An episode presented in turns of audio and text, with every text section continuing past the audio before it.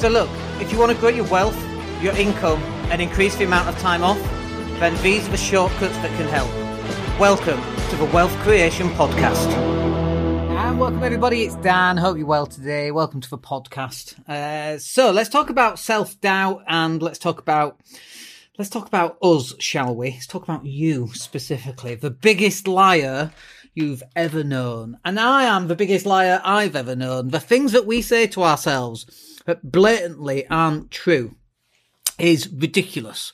Uh, but we still say them, don't we? And so, you know, we go on these journeys and we're trying to do something, whatever that something is. We're trying to improve our business or we're trying to get fit or we're trying to get into a relationship or we're trying to get out of a relationship or you're trying to improve yourself in some way. You're going for a new job. You're going for an interview and we have all these doubts, uh, before, during and after. And it's like, it's like obviously yesterday was uh, mental health day, World Mental Health Day, and um, we all have these niggling doubts, and it's not really spoken about. Spoken about. So I thought let's let's do a podcast and let's talk about some of these niggling doubts. You know, we all wear these masks, don't we?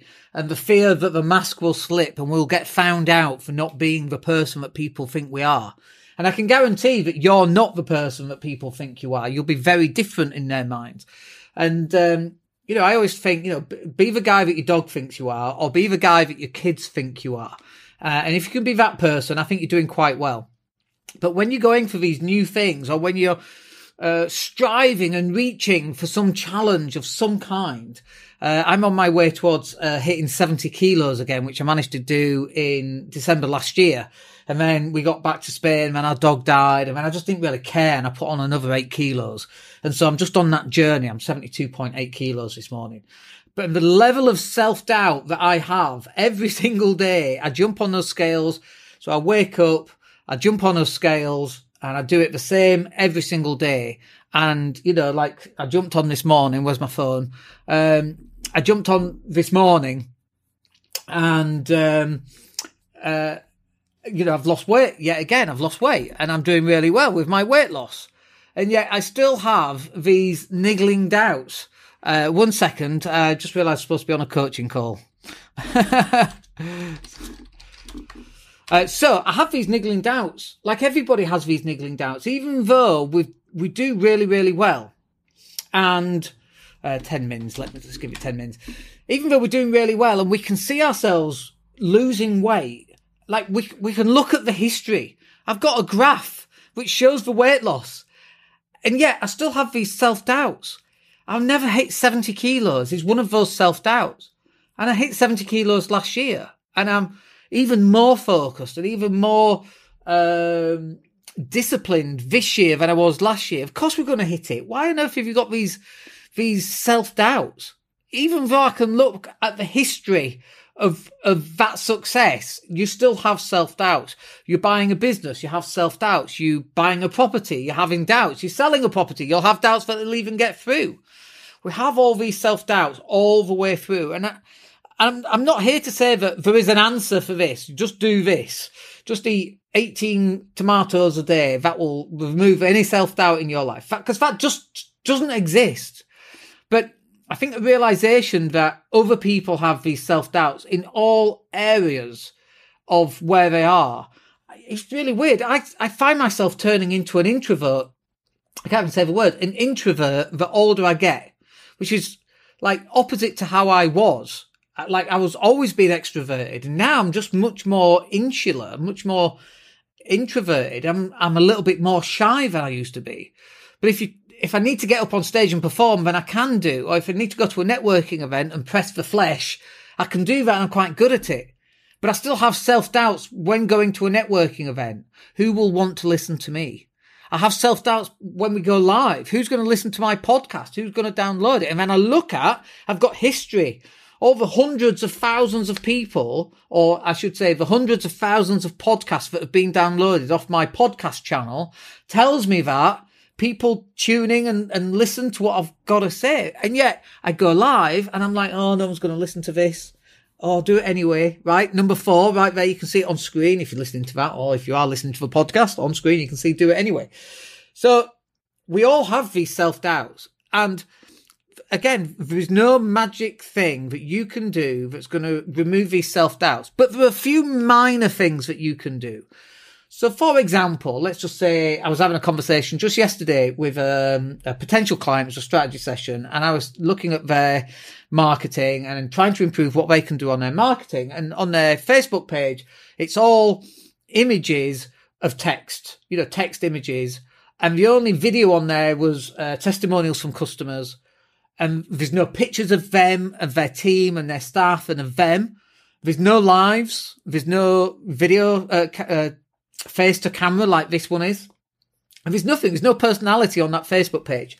And it's like, you know, people buy from people they know, like, and trust, right? So they don't, they don't necessarily buy from a, a, a faceless organization, unless it's a very big organization like Coca Cola or British Telecom or something like that.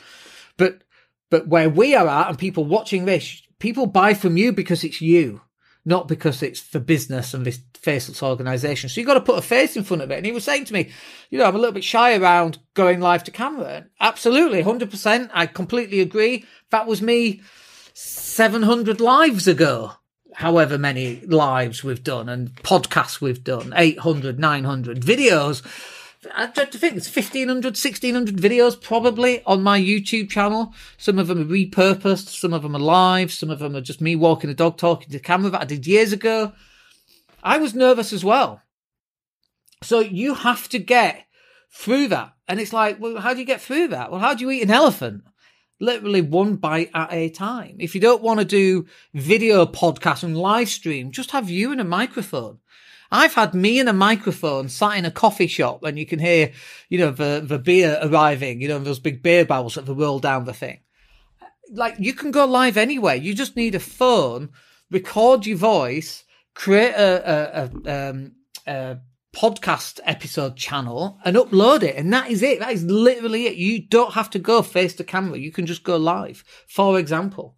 And I know you're going to have these self doubts, but those self doubts are going to exist regardless of whether you do the work anyway.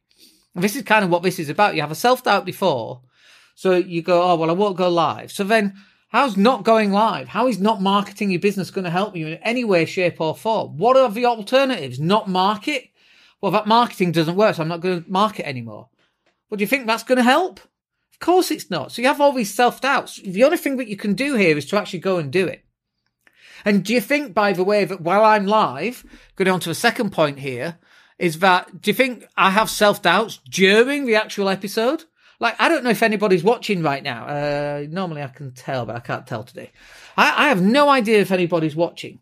And sometimes that can put you off. That can make you really nervous. And so you think, oh, I'm not good enough. Nobody loves me. Oh, woe is me. Who cares? Like, do it anyway. I'm here. I might as well give good advice because that one person who might download the podcast or they might watch a video or they might watch one of the shorter videos that we cut it up into, they might just listen in and tune into that one little bit of advice that they go, shit, that's me.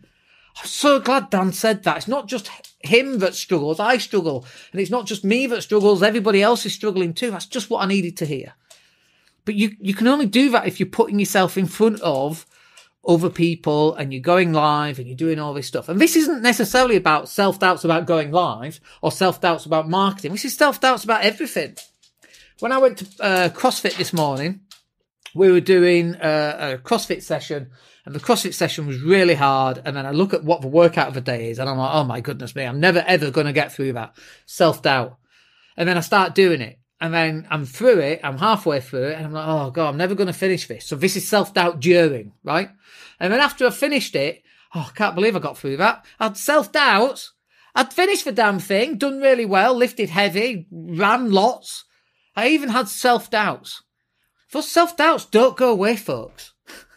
it's like, I wish they did. I wish that you wake up and you feel confident and life is great self doubts about every aspect of my life, completely and utterly have these self doubts.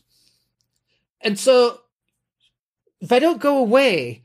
You just have to learn to handle them better. And and again, you know, if you got self doubt before, just do it. If you got self doubt during, well, you're doing it. So who cares, right? If you have self doubt after, it's irrelevant because you've just done it. The only thing is, if you're not doing it, this is the important bit here. If you're not doing it, those self doubts win. And where does that leave you? Nowhere. So you've got to have this attitude of just getting through these self doubts because on the other side of that self doubt is success. Right. And then afterwards you have these self doubts. I've broken an arrow with my throat. I've walked on burning hot coals. I've been uh, a metal bar with my wife uh, against our throats at an event. We've done all these amazing things. We've built mil- uh, millions of pounds worth of property. We've got a successful digital marketing agency. And yet I look at all those things and I come up with these excuses. Oh, well, yeah, but that was a different time. Property was easier back then, wasn't all these rules. There are still people out there right now with not a lot of money making property work. Uh, well, the digital marketing, it's definitely harder. It definitely is harder. Every man and his dog is a one man uh, and a dog uh, digital marketing agency that we have to compete with. We've got a team of staff that we have to pay every month.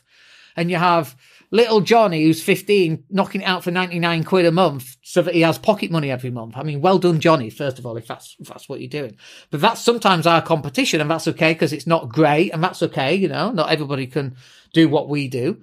Uh, and again, in the conversation we had with the guy actually runs a marketing company, we're explaining how to run marketing because they can't do what we can do. And that's fine. Not everybody can do that. It's like saying I'm a professional athlete. Oh, can you do 20 pull ups? No, I'm a cyclist. It's a, it's a different section of being a professional athlete completely, right? But you, you know, as you've done all these things, you're still going to have self doubts about the thing that you've done, even though you have done it. Normal. Completely and utterly normal. Drives us bonkers, doesn't it? Drives me insane.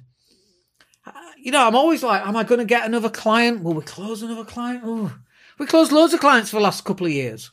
Our ability to close clients is there. It's, it's not going away. It might be different because the circumstances of uh, the UK's financial arm is very different than it was two years ago, three years ago. Pre-pandemic was vastly different. Pre-Ukraine war, vastly different. Now, obviously, we've got another war going on uh, in the Middle East, Far East, Middle East. So, um, so you you've got all these issues popping up, and do you think you'll be able to do it again? Of course you will. I think the key here is not to worry about will you do it again. I think the key is to do it anyway, regardless of how you're feeling. And this is the ultimate answer. Look at me getting all excited here. This is the ultimate answer. You've got to move those thoughts and feelings about this self doubt before, during, and after, and you have to move them to one side. You just got to focus on the task at hand. And these tasks at hand, they don't have to be these big, grandiose tasks that you're going to make all this crazy change in a very short space of time. Your job should be to go do what's my next task? I need to tidy my desk. Do that one. Brilliant. What else? I need to put together all my paperwork for last year's tax because I need to drop them off at the accountant. This is me speaking to myself. I did it yesterday. Brilliant. How long is that going to take? Three hours. Let's go and do that. Oh, I've got all these other things that I need to do. I need to sort out team members and sort this out and onboarding for a new client and all this stuff, right? That's fine. Let's let's program it in. Let's allocate time according to that. Tomorrow, three o'clock. That's perfect. Let's do that then. What are you doing now when I need to go live? But then I can't go live because I've got all these other things to do. Right, go live. But is that the most prioritous, prioritous thing? The, the thing with the highest priority right now? Yeah, we've not been live for a couple of weeks. Right, let's do that then. And pull out the MP3, uh, so we, we get some, um, uh, we get some podcast out of it. Let's let's pull out the little um, clips so that we can post regular content, so we can stay in front of people. Okay, let's do that. Do it anyway. Do these small things. Break this big thing down into these small bite-sized chunks. Just go do those. Forget about how you feel about it. It's irrelevant. Be like a robot. Go do the damn thing that you need to go do, and go and get it done. Right. I need to go because uh, I'm due on a coaching call. Uh, but I hope that's useful for you. And uh, let me know in the comments down below. Hit me up if you want to uh, have a, a, chat about your business. And uh, we'll catch up with you on the next podcast. My name's Dan Latto. Have a wicked day. Take care. Hey, it's Dan here. Thank you for listening. Really appreciate each and every one of you. Please click like or subscribe to the entire podcast.